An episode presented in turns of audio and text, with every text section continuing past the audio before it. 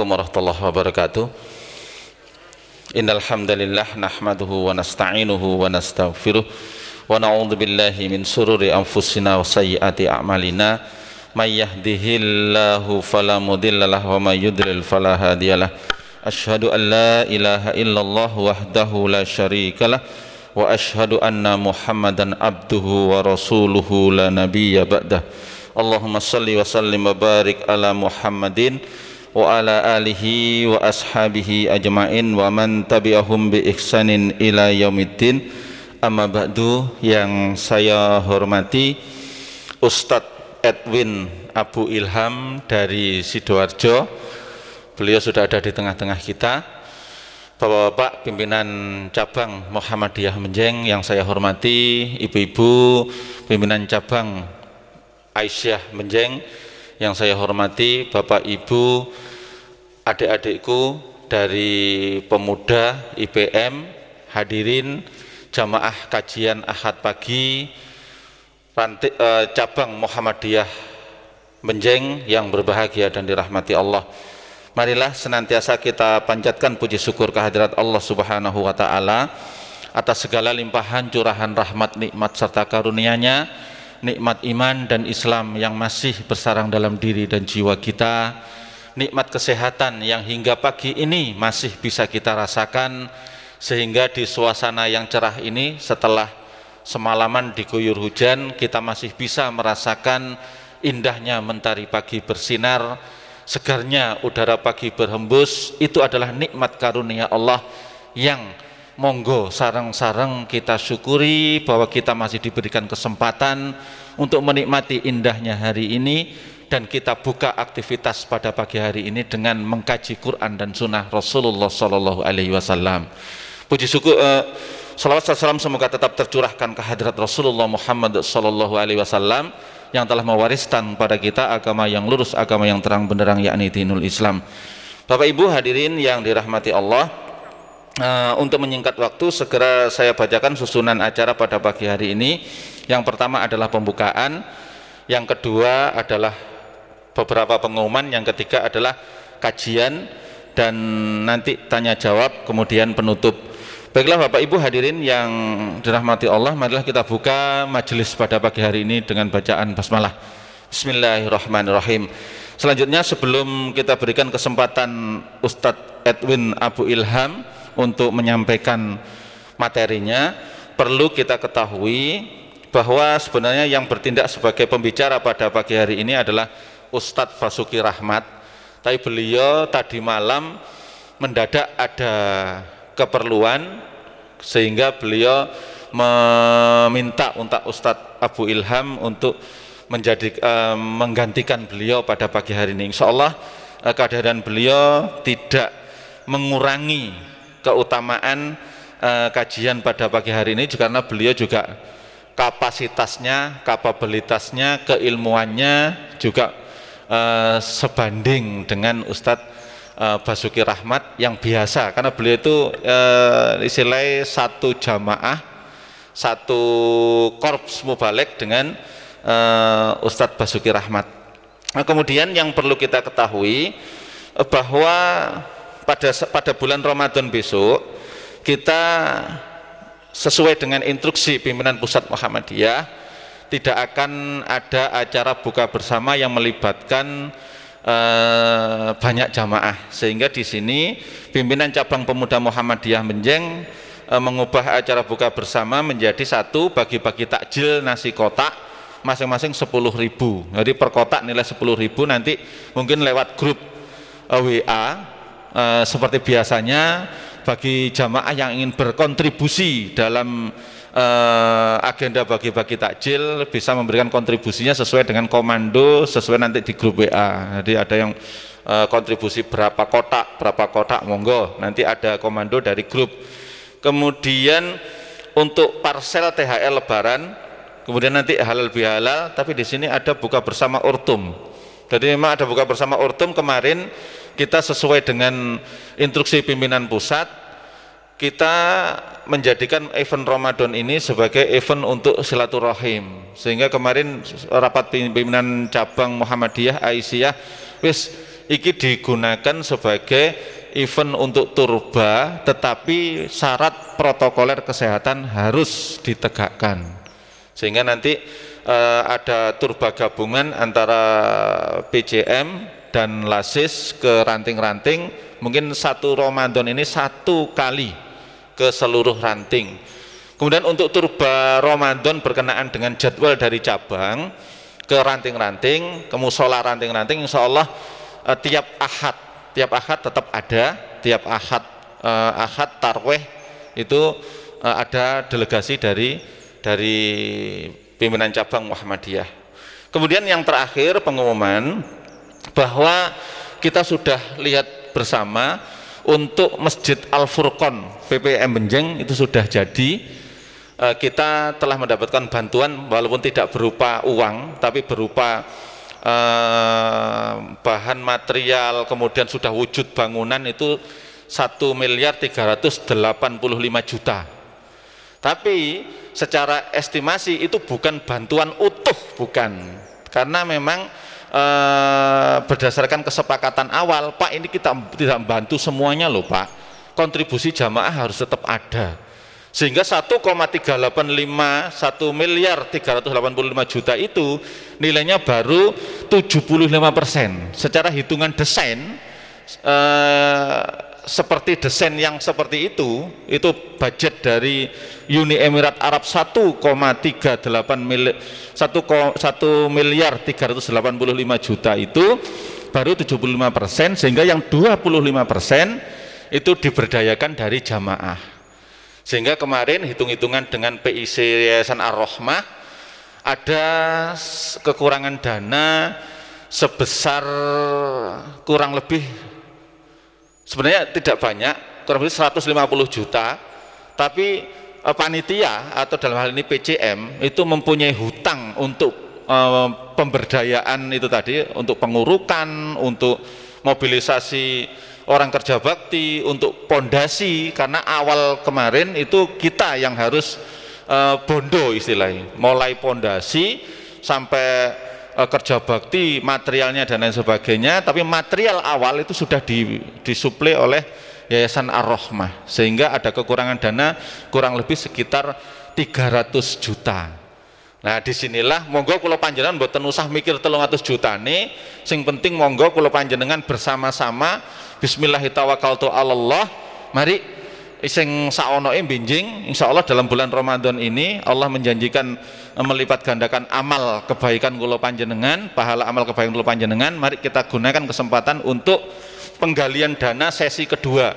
Karena dulu pernah penggalian dana sesi pertama itu sudah berhasil mengumpulkan kurang lebih sekitar eh, 200 atau 300 juta.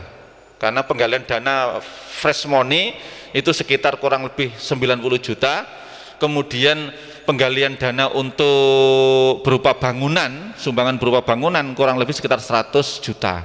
Sehingga ada kekurangan berkenaan dengan itu walaupun seandainya ada sumbangan lagi monggo silahkan. Karena eh, alokasi dana yang sekitar 1,8 atau 2 miliar itu itu untuk penyelesaian masjid di luar dan dalamnya juga bagian depan yang lainnya monggo disilahkan. Nanti di proposal ada kami tampilkan foto-fotonya. Itu masih banyak lokasi kosong yang belum teruruk. Sehingga berapapun bantuan bapak ibu jamaah monggo silahkan. Jadi nanti uh, dari ranting-ranting dari takmir-takmir masjid monggo. Untuk uh, nanti panitia pembangunan akan e, menghubungi jenengan untuk mengedarkan amplop kepada jamaah. Berapapun dapatnya akan kita terima pun monggo istilah ini kita gunakan event Ramadan ini untuk penggalian dana. Masalah hasilnya berapa itu nanti pun bukan urusan kita. Karena Allah itu melihat usaha kita melihat proses yang kita lakukan melihat keikhlasan yang kita yang kita tunjukkan dalam hati dan jiwa kita. Pun kalau kita mengatakan sekedar pengumuman eh, selanjutnya kita menginjak acara inti pada pagi hari ini yaitu kajian yang akan disampaikan oleh Ustadz Abu Ilham dari Sidoarjo kira-kira sekitar 60 menit ke depan. Dilanjut sedikit tanya jawab dan nanti monggo dipun tutup kalian doa Ustadz. Kepada Ustadz Abu Ilham uh, waktu dan tempat dipersilahkan. Assalamualaikum warahmatullahi wabarakatuh.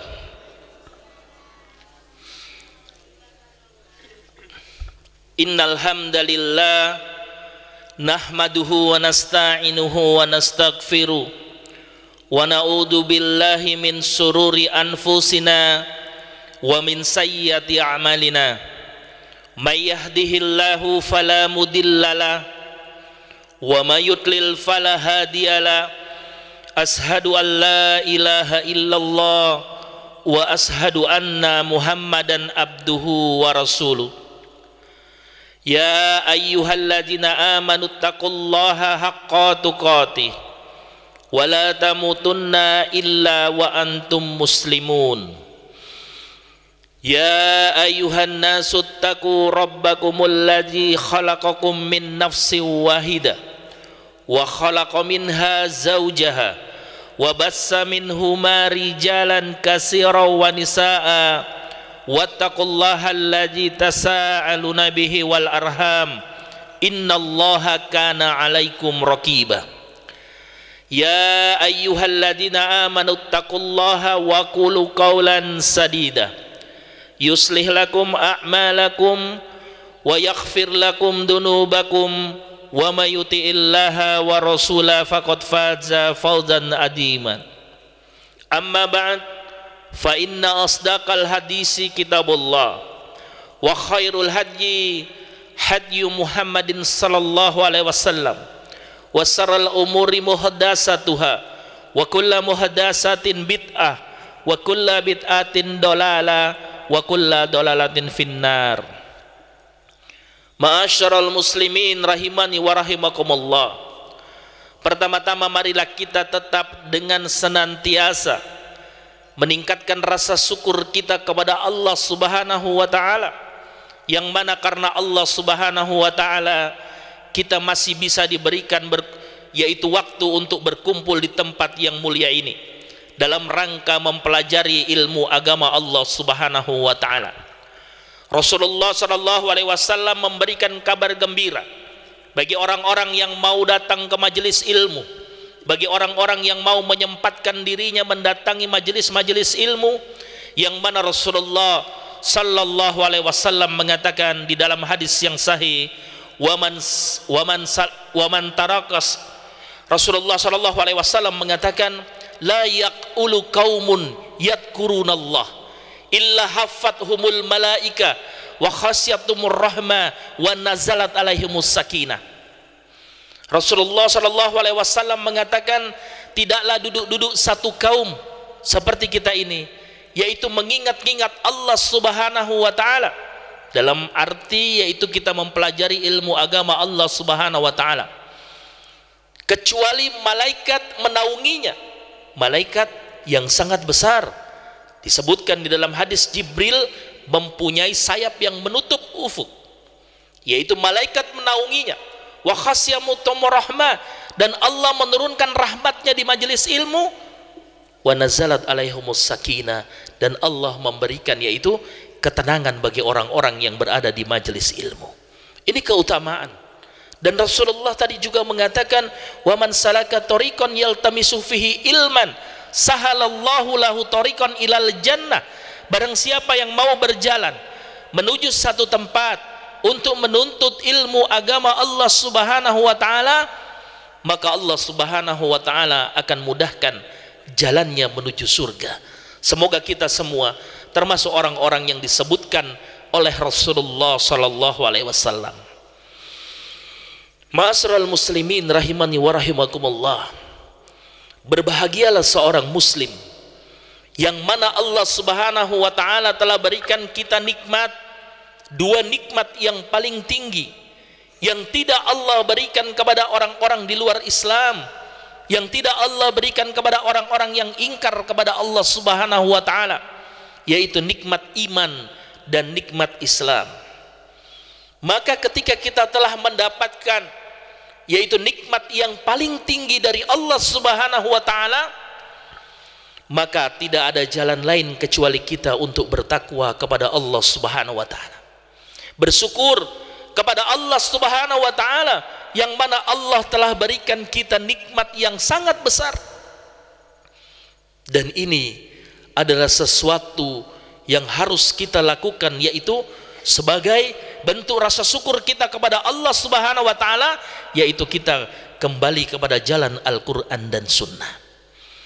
Dan yang kedua, yaitu sebentar lagi kita akan memasuki yaitu bulan yang mulia.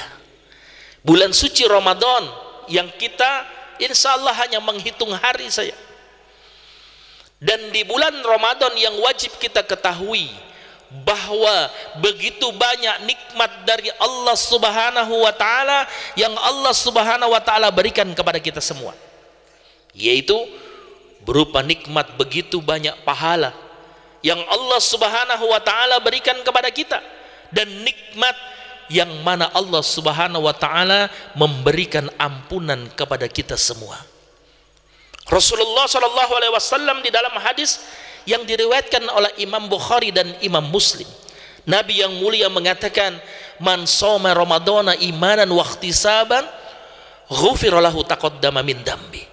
Maka barang siapa yang berpuasa, ini jemaah yang mulia, yaitu berpuasa pada bulan Ramadan karena iman dan ingin mendapatkan pahala dari Allah Subhanahu wa taala, maka Allah Subhanahu wa taala akan ampunkan dosanya yang telah lalu.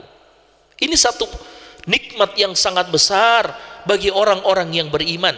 Bagaimana sahabat-sahabat Rasulullah Shallallahu Alaihi Wasallam menginginkan agar dirinya Allah masukkan ke dalam bulan suci yang mulia, yaitu bulan Ramadan. Satu bulan di antara dua belas bulan yang mulia, yang mana Allah Subhanahu Wa Taala luar biasa turunkan rahmatnya. Allah subhanahu wa ta'ala turunkan ampunannya. Allah subhanahu wa ta'ala berikan pahala kepada orang-orang yang beriman pada bulan Ramadan. Ini di antara keutamaan bulan yang mulia.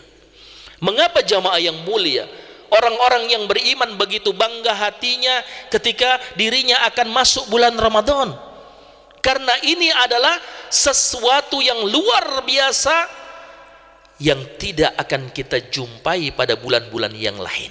Ini keutamaan bulan Ramadan.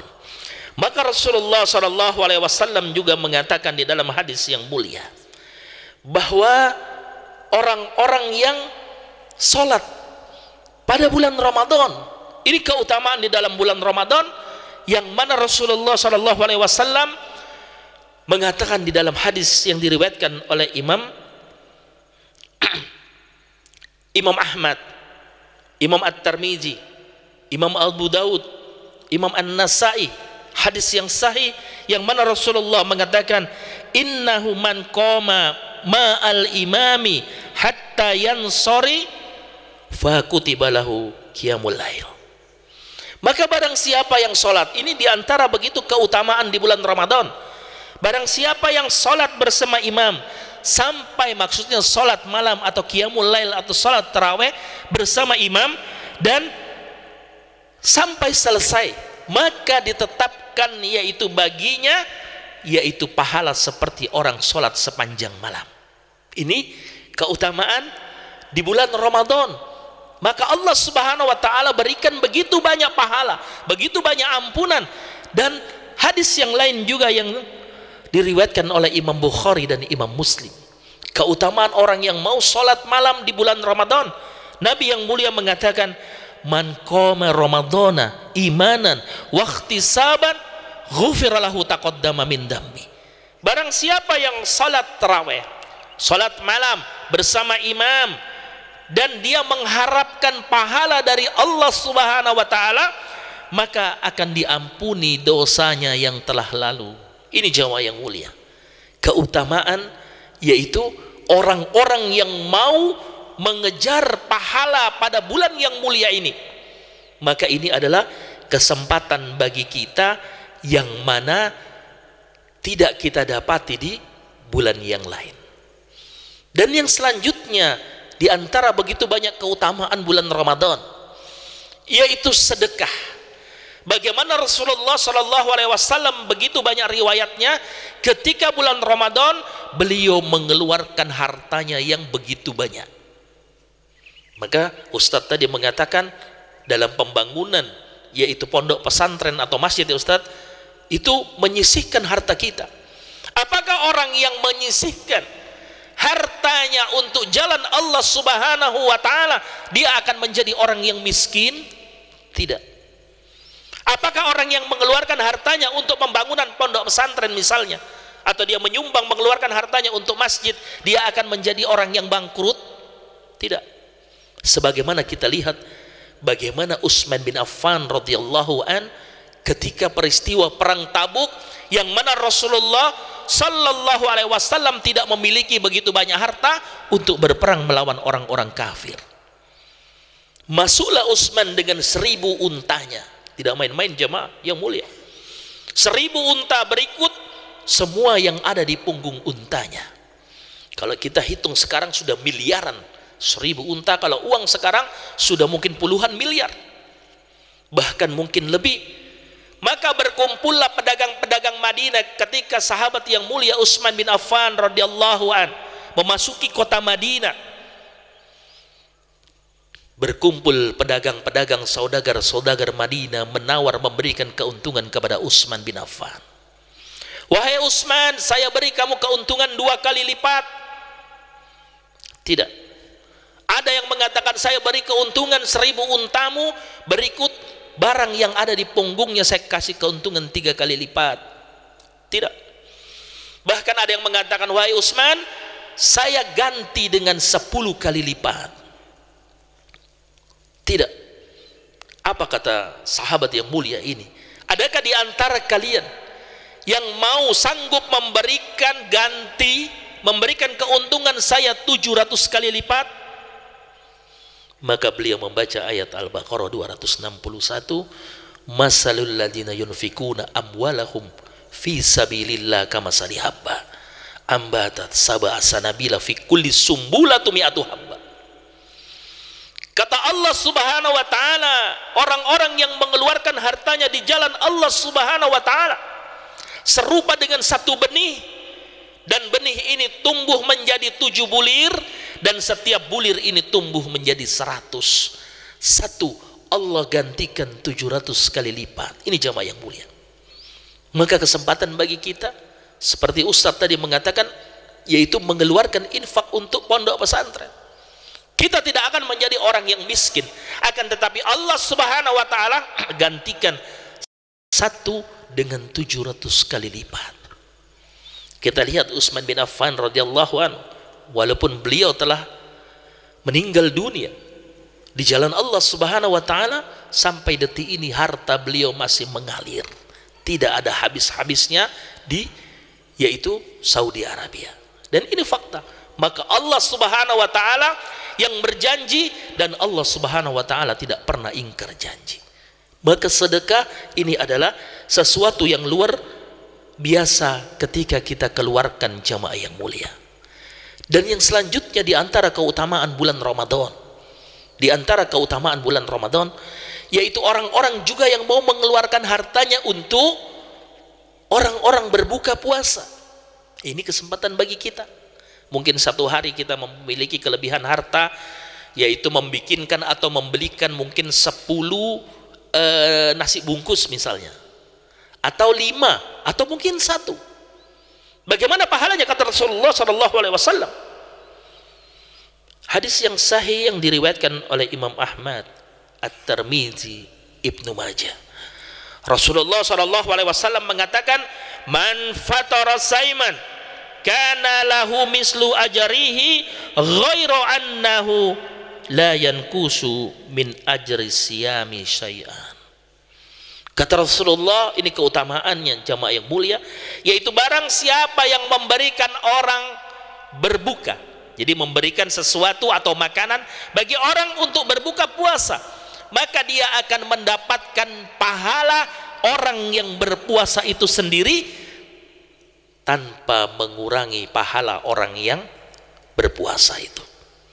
Jadi kalau kita memberikan misalnya buka 10 orang maka kita akan mendapatkan 10 pahala orang yang berpuasa tanpa mengurangi mereka yang berpuasa itu sendiri maka ini kesempatan bagi kita untuk apa? Untuk mencari pahala sebanyak-banyaknya pada bulan Ramadan. Mencari ampunan sebanyak-banyaknya pada bulan Ramadan. Mengapa jamaah yang mulia? Kita hidup di dunia ini tidak untuk selama-lamanya. Kita hidup di dunia ini pasti ada waktunya. Karena modal kita yaitu untuk bertemu dengan Allah Subhanahu wa taala yaitu bagaimana amal kita di hadapan Allah Subhanahu wa taala. Maka kita wajib seorang yang beriman dia mempunyai rasa roja atau rasa harap kepada Allah Subhanahu wa taala yang dia harapkan agar bagaimana dia mendapatkan pahala dan ampunan dari Allah Subhanahu wa taala. Ini kewajiban orang muslim. Mengapa? Karena kita tidak hidup untuk selama-lamanya maka kita lihat bagaimana orang yang terkadang bertemu kita saat ini dia sehat terkadang siangnya atau malamnya Allah subhanahu wa ta'ala panggil dia berpisah dengan dunia kenapa? karena Allah subhanahu wa ta'ala mengatakan kullu nafsin za'iqatul maut. Setiap yang bernyawa pasti akan merasakan kematian. Ini jamaah yang mulia.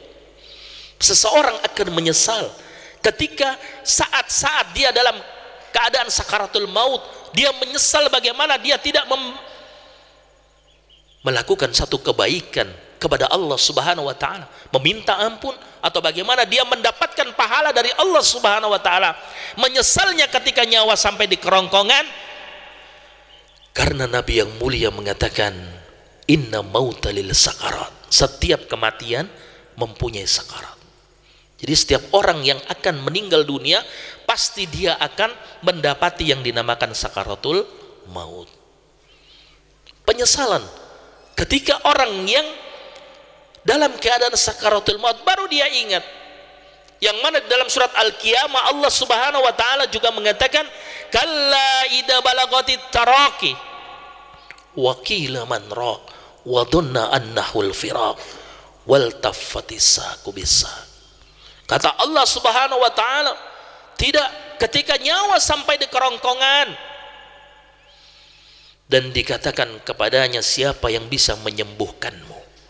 Dan itulah dia yakin waktu itulah dia berpisah dengan dunia ketika bertautan betis kanannya dengan betis kirinya. Ini jamaah yang mulia. Yang ada hanya penyesalan. Kenapa dia bulan Ramadan dia melupakan Allah Subhanahu wa taala, tidak berpuasa di bulan Ramadan? mengapa ketika bulan Ramadan dia mempunyai harta yang banyak dia tidak mau mengeluarkan hartanya untuk jalan Allah subhanahu wa ta'ala penyesalan jamaah yang mulia penyesalan yang tidak ada hasilnya. Karena penyesalan orang-orang yang seperti ini ketika dia dalam meninggal dunia hanya penyesalan yang sia-sia. Mengapa dia tidak berbuat baik kepada Allah subhanahu wa ta'ala? Dan orang yang meninggal dunia dia akan mengikuti bagaimana dia kebiasaannya ketika dia hidup di dunia. Ini jamaah yang mulia yang perlu kita perhatikan. Apabila orangnya bagaimana dia melakukan sesuatu kebaikan terus kepada Allah Subhanahu wa taala dan dia mencintai Rasulullah sallallahu alaihi wasallam maka dia akan mendapatkan kebaikan di akhir hidupnya kenapa Nabi yang mulia mengatakan di dalam hadis yang diriwayatkan oleh Imam Muslim. Rasulullah yang mengatakan, "Yubasu kullu abdi ala ma mata alaihi." Setiap manusia dia akan yaitu dibangkitkan berdasarkan kebiasaannya. Maka seseorang di dunia dia jangan pernah mencoba-coba untuk melakukan kebiasaan yang buruk. Apalagi dia melakukan yaitu kemaksiatan kepada Allah Subhanahu wa taala. Jangan coba-coba karena orang dia akan mati sesuai dengan kebiasaannya. Oh enggak apa-apa Ustaz. Saya coba-coba minum minum minuman keras minum tua misalnya jangan coba. Kenapa? Jangan-jangan kamu mati dalam keadaan waktu minum tua. Oh saya coba misalnya seseorang oh ke tempat pelacuran. Jangan pernah coba. Jangan-jangan nanti matinya dia di tempat itu. Yang mengatakan adalah Rasulullah Sallallahu Alaihi Wasallam. Dan Nabi yang mulia juga mengatakan, seseorang dia wajib mencintai kebaikan. Seseorang dia akan wajib mencintai Allah dan Rasulnya mengapa? Hadis Nabi yang mulia. Almar'u yusaru aman ahabba. Seseorang itu besok akan mengikuti apa yang dia cintai. Lihat dalam keadaan sakaratul maut orang-orang yang toleh dalam keadaan sakaratul maut lisannya terkadang yaitu mau meninggal dunia dalam keadaan sakaratul maut ada yang bernyanyi kita lihat bernyanyi. Ada salah satu yang pernah diceritakan oleh seseorang yang mana dia eh, menjadi petugas yang mana dia berjaga di pinggir jalan. Ketika dia melihat satu kecelakaan yang sangat mengerikan dan dia lihat korbannya seorang wanita dalam keadaan sakaratul maut dan ketika diangkat ke rumah sakit dalam keadaan sakaratul maut lisannya bernyanyi. Lihat almar'u yuhsaruma aman ahabba. Lihat. Seseorang dia akan mengikuti apa yang dia cintai.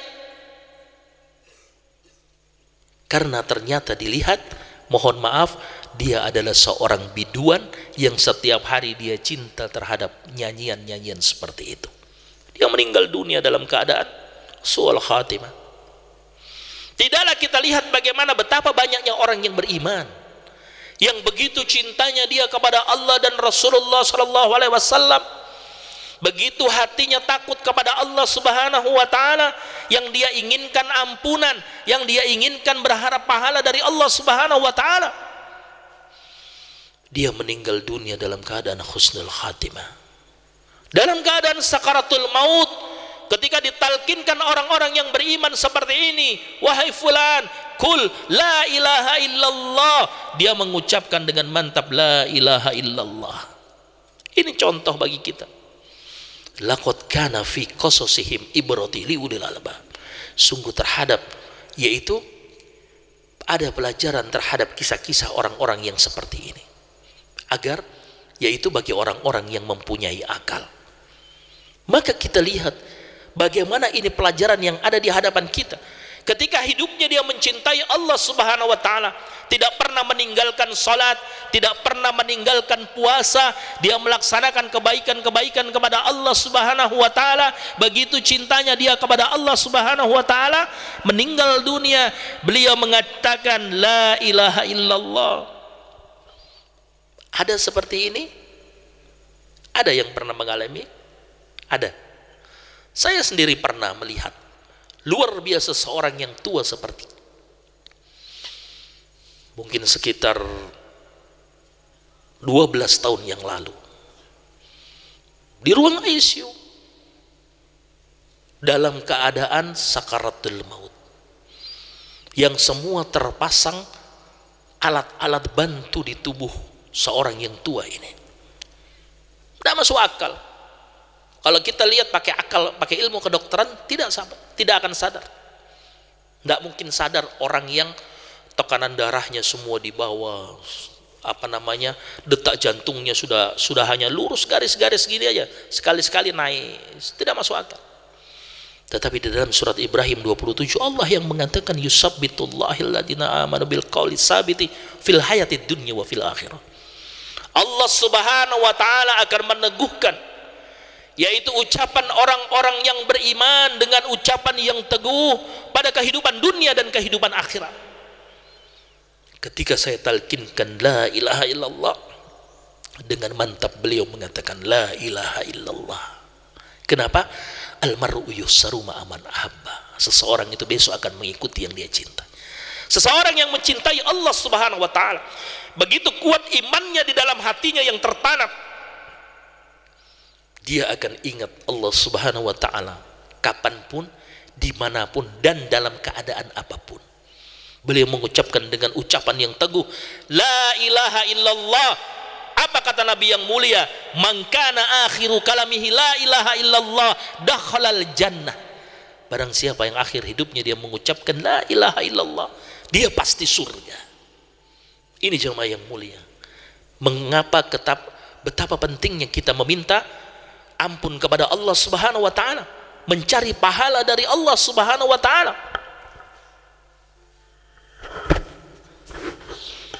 Karena ini adalah untuk kebaikan diri kita sendiri.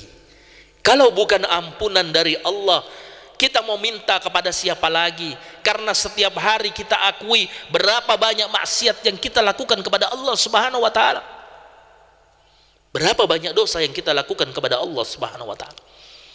Dan keinginan seorang yang beriman yang mana dia akan mempertanggungjawabkan semuanya.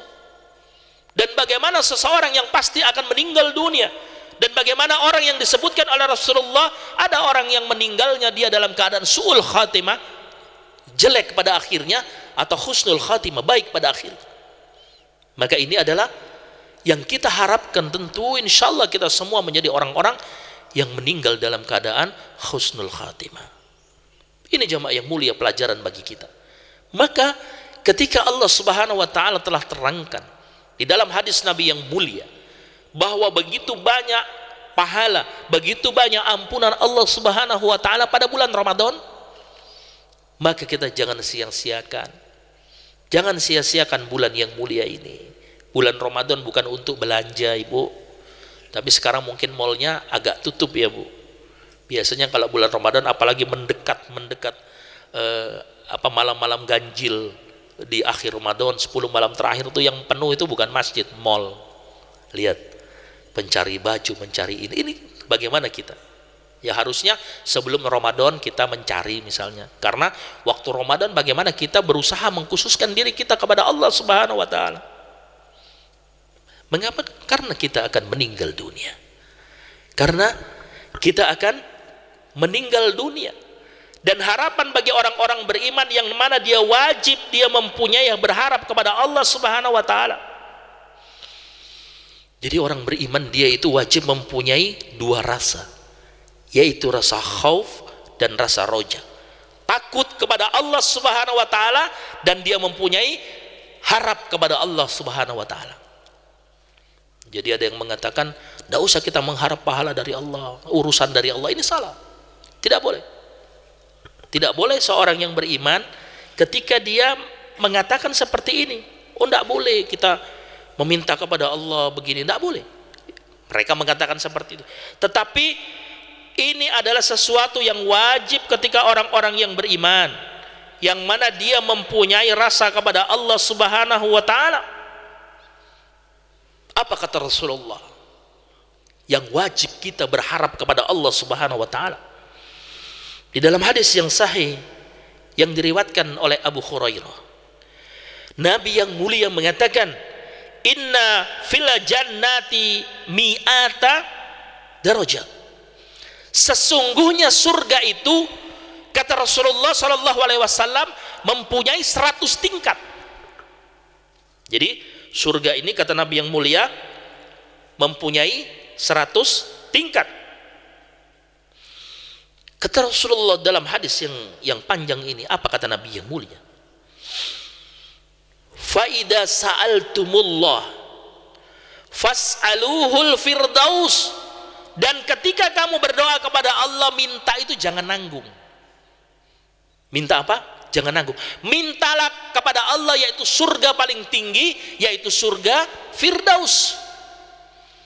Maka berdasarkan dalil ini adalah seseorang ini wajib mempunyai harap kepada Allah Subhanahu wa taala. Yang mana surga ini mempunyai 100 tingkat kata Rasulullah sallallahu alaihi wasallam dan kalau kita berdoa diperintahkan kalau minta itu jangan nanggung kepada Allah. Seseorang itu kalau berdoa itu mintanya jangan nanggung. Boleh? Boleh. Dan ini adalah kewajiban seseorang yang beriman dia berharap dia gantungkan dirinya hanya kepada Allah kalau dia minta surga, minta surga yang paling tinggi, yaitu surga Firdaus. Nabi yang mulia mengatakan. Makanya jemaah yang mulia, kalau doa kepada Allah itu jangan nanggung, minta yang yang paling tinggi. Dan ini yang mengatakan adalah Rasulullah Shallallahu Alaihi Wasallam. Kenapa? Karena surga adalah pengharapan bagi orang-orang yang beriman. Sahabat-sahabat Rasulullah sallallahu alaihi wasallam ini dia berharap surga kepada Allah Subhanahu wa taala. Kita lihat bagaimana sahabat-sahabat Rasulullah Bilal bin Rabah disiksa oleh majikannya ditindih oleh batu besar. Di tengah padang pasir yang panas dia hanya mengatakan ahad ahad apa maknanya? Dia menunggalkan Allah subhanahu wa ta'ala. Apa yang beliau inginkan? Surga. Utsman bin Affan dia infakkan hartanya. Saudagar kaya dia berikan hartanya kepada Rasulullah yang dia harapkan apa? Surga. Bagaimana sahabat-sahabat yang lain? Abu Bakar As-Siddiq Umar bin Khattab sehingga Allah subhanahu wa ta'ala bertarung melawan orang-orang kafir yang dia harapkan adalah surga maka wajib bagi orang yang beriman dia berharap kepada Allah subhanahu wa ta'ala dan kalau kita berharap dan berdoa ke Rasulullah di dalam hadis yang mulia tadi, minta berdoa kepada Allah surga yang paling tinggi yaitu surga Firdaus. Ini jemaah yang mulia. Maka rentetan tadi bagaimana kita menginginkan ampunan, bagaimana kita menginginkan pahala karena besok kita akan meninggal dunia. Dan ketika kita meninggal dunia kita akan memasuki yaitu yang dinamakan azab kubur atau nikmat kubur yang dinamakan alam barzah. Dan orang yang akan memasuki alam barzah disebutkan di dalam hadis yang mulia bahwa dia seseorang akan mendapatkan dua tempat ketika di alam kubur. Ada yang mendapatkan dia di azab azab kubur dan ada yang mendapatkan nikmat, nikmat kubur. Di mana kita? Kita tidak tahu, tetapi seorang yang beriman kita wajib berusaha agar kita bisa mendapatkan nikmat kubur sangat mengerikan jamaah yang mulia kalau kita membaca hadis-hadis tentang yaitu bagaimana keadaan di alam barzah keadaan di alam kubur. Orang yang mendapatkan azab kubur Nabi mengatakan didatangkan kepadanya sebuah palu dipukulkan kepadanya akan hancur badannya. Itu baru di kubur. Ada yang di sempitkan kuburnya hingga tulang rusuknya bersilangan. Dia ditemani oleh seseorang yang bau busuk buruk rupanya dia berkata siapakah engkau seseorang yang buruk rupa dan bau busuk? Saya adalah amalmu di dunia. Akan tetapi orang yang beriman dia ditemani oleh seseorang yang wangi baunya baik rupanya menemaninya setiap hari setiap saat di alam barzah yang mana kuburnya diruaskan seluas 70 hasta. Dia bertanya siapakah seseorang yang baik rupamu dan baik harum baunya dia mengatakan saya adalah amalmu di dunia. Ini jamaah yang mulia. Mengapa kita berburu pahala yang kita harapkan dari Allah subhanahu wa ta'ala? Memohon ampunan karena besok kita akan dipertanggungjawabkan di hadapan Allah subhanahu wa ta'ala di alam barzah lebih-lebih besok di hari akhirat. Dan wajibnya orang-orang yang mana dia yang mana tadi Rasulullah Shallallahu Alaihi Wasallam menyuruh kita untuk berdoa meminta surga yang paling tinggi apa harapan orang yang beriman yaitu harapan orang yang beriman dia wajib berharap kepada Allah agar dirinya dimasukkan surga ke dalam surga oleh Allah Subhanahu wa taala. Apa kata Allah Subhanahu wa taala? di dalam surat Al-Waqiah mulai ayat 15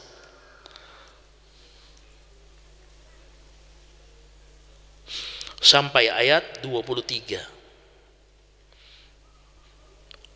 Allah Subhanahu wa taala menyatakan ala sururim maudunah mereka berada di atas dipan-dipan yang bertahtakan emas dan berlian. Ini jamaah yang mulia. Makanya kita juga harus sering-sering membaca ayat-ayat tentang surga. Kata Allah Subhanahu wa taala, mereka berada yaitu di dipan-dipan yang bertahtakan emas dan permata. Muttaqiina 'alaiha mutaqabilin. Seraya mereka bertelekan di atasnya berhadap-hadapan. Ini adalah kesenangan penduduk surga yang mana kita menginginkan agar kita dimasukkan oleh Allah Subhanahu wa taala ke dalamnya. Di dalam Al-Qur'an Allah sudah jelaskan bagaimana kenikmatan surga. Yang mana tidak pernah dilihat oleh manusia, tidak pernah terdengar oleh manusia bahkan tidak pernah terbetik di hati kita. Tetapi bayangan kita begitu luar biasa. Di dalam Al-Quran begitu banyak ayat-ayat yang menerangkan tentang surga. Dan ayat selanjutnya yatufu alaihim wildan mukhalladun mereka dikelilingi oleh anak-anak yang muda dan tetap muda. Di dalam tafsir dijelaskan makna ayat yang mulia ini bahwa orang-orang penduduk surga itu tidak akan tua dan dia akan muda untuk selama-lamanya. Ini jamaah yang mulia. Begitu nikmat. Kalau di dunia mungkin mohon maaf begitu kecil dia lucu agak besar dia tambah tampan. Besar begitu tampan tapi ketika dia tua Allah kurangi ketampanannya. Mohon maaf ada yang giginya dikurangi. Nikmatnya juga dikurangi makannya dikurangi. Ada yang kena penyakit semua nikmatnya Allah kurangi. Jadi dari kecil muda muda akhirnya tua. Tetapi di surga tidak ada orang tua. Semuanya penduduk surga yaitu muda yang tetap muda tidak akan tua untuk selama-lamanya ini nikmat jemaah yang mulia. Nikmat dari Allah subhanahu wa ta'ala. Bi akwabi wa abarika wa ka'sin mimma'in dengan membawa gelas yaitu cerek dan minuman yang diambil dari air yang mengalir. Di dalam tafsir dijelaskan cereknya itu tidak ada ujungnya. Apa maknanya seseorang di surga dia itu minum langsung dari mata airnya. Sangat nikmat. Bahkan mereka minum khamr tetapi tidak memabukkan. Khamr di surga itu tidak bukan buat mabuk dan halal. Dan Allah Subhanahu wa taala mengatakan la yusaddauna anha wa la yunzifun. Mereka tidak pening karenanya dan mereka tidak pula mabuk. Ini ketika seseorang yang minum khamar, khamarnya dihalalkan oleh Allah Subhanahu wa taala dan nama-nama diserupakan oleh Allah Subhanahu wa taala dengan nama-nama yang ada di dunia. Dan apa kata Allah Subhanahu wa taala?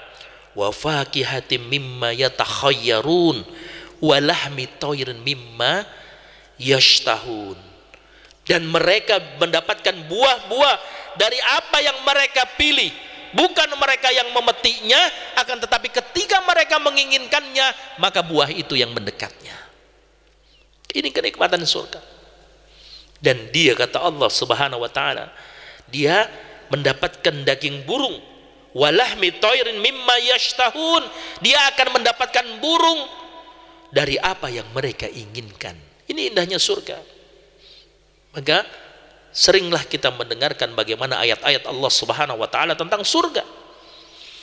Wa hurun'inun ka'amsalin ka'amsalin lu'lu'il makanun. Dan ada bidadari-bidadari yang bermata jeli. Lihat. Ini diperuntukkan bagi penduduk surga. Surga. Laksana mutiara yang tersimpan dengan baik. Ini jemaah yang mulia. Bidadari Bagaimana istri saya Ustadz nanti cemburu tidak? Tidak. Seorang istri di dunia ketika dia bertakwa kepada Allah Subhanahu wa taala dan suaminya juga bertakwa kepada Allah Subhanahu wa taala dan beriman dan dua-dua masuk surga, maka istri yang dia cintai yang dia hidup di dunia, maka dia akan menjadi ratu bidadari surga. Lebih cantik daripada bidadari yang Allah Subhanahu wa taala ciptakan langsung yang tidak pernah disentuh oleh jin dan malaikat. Ini jamaah yang mulia. Kenikmatan seorang penduduk bumi. Maka ditanyakan ya Rasulullah, mengapa seorang yaitu bidadari surga dia lebih cantik? Karena bidadari surga melaksanakan sholat di dunia. Dia melaksanakan puasa di dunia. Dia melaksanakan ketaatan kepada Allah di dunia. Maka Allah akan berikan dia yaitu satu anugerah dia dijadikan apabila dua-dua dia menjadi penduduk surga istrinya menjadi ratu bidadari surga yang lebih cantik daripada bidadari yang aslinya. Kalau kita menjelaskan hadis-hadis tentang bidadari luar biasa. Bagaimana istrinya nanti cemburu terhadap bidadari? Tidak. Maka pernah ditanyakan kepada seorang yang berilmu dikatakan kepadanya bagaimana kalau seorang wanita seorang istri yang menjadi ratu bidadari apakah dia cemburu terhadap selir suaminya?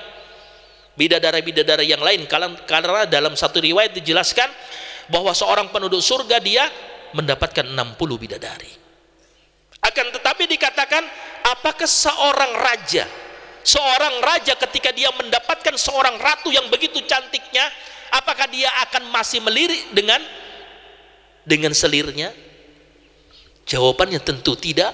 Karena seorang penduduk surga dia akan bersenang-senang dengan ratunya bidadari yang lebih cantik daripada bidadari yang Allah subhanahu wa ta'ala ciptakan langsung. Dan keutamaan bidadari ratu bidadari bidadari di surga Allah Subhanahu wa taala mengatakan di dalam surat An-Naba Innalil muttaqina mafaza hadaika wa a'naba wa kawaiba adaraba Beruntunglah orang-orang yang beriman yang Allah Subhanahu wa taala berikan dia kebun dan buah anggur dan gadis-gadis yang muda yaitu al-kawakib. Lihat di tafsir. Ini adalah bidadari. Yang dimaksud al-kawakib adalah seseorang yaitu bidadari. Mohon maaf yang mana dia ini perawan untuk selama-lamanya. Wa kawaiba adaroba buat siapa buat siapa? Buat suaminya. Di surga seorang suami dia akan mendapatkan istrinya di dunia. Allah jadikan dia ratu bidadari dan Allah jadikan dia menjadi lebih cantik daripada bidadari dan Allah jadikan mohon maaf dia perawan untuk selama-lamanya. Ini kenikmatan surga.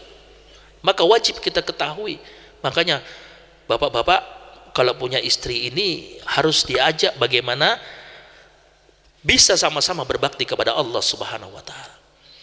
Diajak bagaimana cara mendekatkan diri kepada Allah subhanahu wa ta'ala. Dan bagaimana seorang suami dia harus mempunyai akhlak yang baik kepada istrinya karena yang dia inginkan yaitu bertakwa kepada Allah, mendapatkan ampunan dari Allah Subhanahu wa taala, mendapatkan pahala dari Allah Subhanahu wa taala. Yang dia inginkan meninggal dalam keadaan husnul khatimah dan dia mendapatkan nikmat kubur dan dikumpulkan bersama istrinya di surga. Maka istri ini tidak boleh dikeras, Pak. Istri tidak boleh dikeras. Karena seorang wanita kata Nabi yang mulia al-mar'atu. Dia itu dari tulang rusuk yang bengkong. Jadi dia di, tidak boleh dikeras. Dikeras dia akan patah, akan tetapi dibiarkan dia akan tetap bengkong. Apa maknanya? Seorang suami yang beriman kepada Allah dan Rasulnya maka dia akan mendidik istrinya dengan dengan kesabaran. Dan tidak boleh seorang suami yang dia inginkan istrinya menjadi bidadarinya, ratu bidadarinya. Dia mematahkannya berbuat keras, berbuat jelek kepada istrinya. Apa kata Nabi yang mulia? Khairukum khairukum li ahli wa ana khairukum li ahli. Sebaik-baik di antara kamu adalah orang yang paling baik kepada istrinya. Dan Nabi yang mulia adalah manusia yang paling baik kepada istri beliau. Maka seorang yang beriman dia harus didik istrinya. Yang mana dia inginkan istrinya ini menjadi pendampingnya besok di hari akhirat. Karena dunia ini hanya sementara jamaah yang mulia. Tujuan kita akhirat. Tujuan kita adalah surga bagi orang-orang yang beriman. Beda sama orang-orang kafir. Dia tidak mengimani Allah, dia tidak mau beribadah kepada Allah. Karena tujuannya hanya dunia. Dunia ini hanya sementara. Mungkin kita mempunyai rumah mewah, paling banter mungkin orang sekarang kalau hidup 100 tahun mungkin tidak ada mungkin, jarang sekali mungkin kita naik mobil mewah, kita mempunyai mobil mewah, paling banter mungkin umur 100 itu mungkin sudah jarang. 80 aja sudah jarang mungkin sekarang. Kita mempunyai tanah yang berhektar-hektar atau kita punya deposito di bank yang begitu banyak. Mungkin kita nikmati hanya sebentar. Mengapa Allah yang mengatakan di dalam surat Al-Ma'arij ayat di awal-awal itu fi yaumin kana miqdaruhu khamsina alfasana kata Allah yaitu malaikat yang naik kepada Robnya yang kadarnya satu hari sama dengan 50 ribu tahun. Dalam tafsir dijelaskan yang dimaksud satu hari sama dengan 50 ribu tahun yaitu itu adalah lamanya besok negeri akhirat hari kiamat. Satu hari negeri akhirat sama dengan 50 ribu tahun menurut perhitunganmu di dunia. Ini jamaah yang mulia. Jadi kita mau mewah-mewahan di dunia mau sombong di dunia hanya sebentar. Tujuan kita adalah akhirat karena lamanya negeri akhirat satu hari sama dengan 50 ribu tahun. Jadi kalau ada orang yang hidup di dunia 100 tahun Allah berikan dia umur 100 tahun. Kalau kita hitung-hitung mungkin hanya satu menit atau dua menit saja dia hidup. Sebentar sekali sebentar sekali maka tujuan utama seseorang yang beriman adalah negeri akhirat bagaimana dia berusaha untuk melaksanakan kebaikan-kebaikan kepada Allah Subhanahu wa taala, meminta ampun kepada Allah Subhanahu wa taala akan dosa-dosa yang telah dia lakukan. Kalau kita mungkin menikmati kemewahan dunia hanya sebentar, mungkin hanya sebentar. Bagaimana besok negeri akhirat yang tidak akan pernah habis dan tidak akan pernah ada waktunya untuk selama-lamanya. Seseorang yang dia mendapatkan besok di tempat di surga maka dia akan mendapatkan kesenangan untuk selama-lamanya. Dan begitu juga orang yang Allah subhanahu wa ta'ala kekalkan dirinya di neraka tidak ada batas waktunya dia akan mendapatkan siksa untuk selama-lamanya. Ini jemaah yang mulia maka wajibnya seorang yang beriman dia mengejar pahala sebanyak-banyaknya dia mencari waktu-waktu tertentu yang mana Allah Subhanahu wa taala terangkan dalil yang bisa dirinya mendapatkan ampunan dari Allah Subhanahu wa taala. Dan yang paling nikmat jamaah yang mulia tentang surga. Di dalam Al-Qur'an Allah sudah jelaskan begitu banyak kenikmatan surga. Seseorang mau minta daging burung, seseorang mau minta buah-buahan diberikan Seseorang mau minta apa saja Allah berikan, dia mendapatkan minuman, dia mendapatkan makanan yang sangat luar biasa. Tetapi yang paling nikmat satu, yang mana sahabat Rasulullah Sallallahu Alaihi Wasallam sangat menginginkannya. Maka ada yang bertanya sahabat, ya Rasulullah, apakah kita bisa melihat Allah di surga? Apa kata Rasulullah? Apakah terhalang olehmu ketika engkau melihat matahari yang terang pada siang hari? Tidak ya Rasulullah. Apakah terhalang olehmu ketika engkau melihat bulan yang terang pada malam hari? Tidak ya Rasulullah. Seperti itulah engkau akan melihat Allah subhanahu wa ta'ala di surga. Dan kenikmatan jamaah yang mulia kenikmatan penduduk surga yang Allah subhanahu wa ta'ala telah berikan kenikmatan kepadanya yang begitu banyak. Akan tetapi ada satu nikmat yang melebihi kenikmatan itu yaitu ketika seorang hamba yang hina seperti kita ini bisa melihat wajah Allah Subhanahu wa taala Rabbus samawati wal ard tanpa menghalang dan ini adalah nikmat yang paling tinggi di antara kenikmatan surga ketika seorang hamba bisa melihat wajah yang agung daripada Allah Subhanahu wa taala. Ini jawab yang mulia. Maka wajib kita imani dan wajib kita inginkan agar diri kita bisa berjumpa dengan Allah agar kita bisa melihat Allah subhanahu wa ta'ala karena yang bisa melihat Allah hanya penduduk surga penduduk neraka dia tidak akan bisa melihatnya maka bagaimana diri kita? Kita yang lebih mengetahui betapa banyak dosa yang telah kita lakukan kepada Allah subhanahu wa ta'ala. Betapa banyak kemaksiatan yang telah kita lakukan kepada Allah Subhanahu wa taala. Maka kesempatan bulan yang akan kita masuki ini kita raih pahala yang mana Allah Subhanahu wa taala sebutkan dalil maka kita kejar pahala dan ampunan dari Allah Subhanahu wa taala agar apa? Agar kita yaitu bisa berjumpa dengan Allah Subhanahu wa taala. Ini adalah keinginan bagi orang-orang yang beriman dan semoga kita semua insya Allah termasuk orang-orang yang Allah Subhanahu wa taala berikan waktu kita untuk memasuki bulan Ramadan dan semoga kita semua termasuk orang-orang yang mendapatkan ampunan dan pahala dari Allah Subhanahu wa taala. Pada akhirnya marilah kita berdoa kepada Allah Subhanahu wa taala. Semoga Allah Subhanahu wa taala memberikan kita semua yaitu ampunan. Semoga Allah Subhanahu wa taala memberikan kita pahala yang banyak dan semoga Allah Subhanahu wa taala memasukkan kita semua ke dalam surga yang penuh kenikmatan. Allahumma salli ala Muhammad wa ala ali Muhammad kama sallaita ala Ibrahim wa ala ali Ibrahim wa barik ala Muhammad. Wa ala ali Muhammad fil alamin innaka Hamidun Majid. Allahumma fir lil muslimina wal muslimat wal mu'minina wal mu'minat al ahya'i minhum wal amwat. Rabbana fir lana dunubana wa israfina fi amrina wasabit akhdamana fansurna alal qaumil kafirin. Allahumma inni as'aluka al-afwa wal afiyata fi dini wa dunya wa ahli wa mali Allahumma astur awrati wa min rawati Allahumma fatni min bayni yadayya wa min khalfi wa an yamini wa an simali wa min fawqi wa a'udhu bi adamatika an akhtala min tahti Allahumma afini fi badani Allahumma afini fi sam'i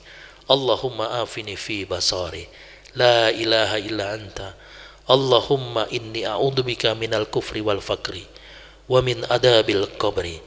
La ilaha illa anta. Allahumma anta rabbi. La ilaha illa anta khalaqtani wa ana abduk. Wa ana lahdika wa wa'dika mastata'tu. Abu'u laka bi ni'matika alayya wa abu'u bidanbi faghfir li innahu la yaghfiru dunuba illa anta. Ya muqallibal qulub sabit qalbi ala dinik ya muqallibal qulub sabit qalbi ala dinik ya muqallibal qulub sabit qalbi ala dinik Rabbana hab lana min azwajina wa zurriyatina qurrata a'yun waj'alna lil muttaqina imama Rabbana hab lana min azwajina wa dzurriyyatina qurrata a'yun waj'alna lil muttaqina imama. Rabbana hab lana min azwajina wa dzurriyyatina Rabbana la tu'akhidna in nasina wa akhtana. Rabbana wa la tahmil alaina isran kama hamaltahu ala alladziina min qablina. Rabbana wa la tuhammilna ma la taqata lana bi. Wa'fu anna waghfir lana warhamna anta maulana fansurna alal qaumil kafirin Rabbana atina fid dunya hasanah wa fil akhirati hasanah wa walhamdulillahi rabbil alamin kita tutup dengan doa kafaratul majlis. Subhanakallahumma wa bihamdika. Ashhadu an la ilaha illa anta. Astaghfiruka wa atubu ilaik wa akhiru da'wana alhamdulillahi rabbil alamin. Assalamualaikum warahmatullahi wabarakatuh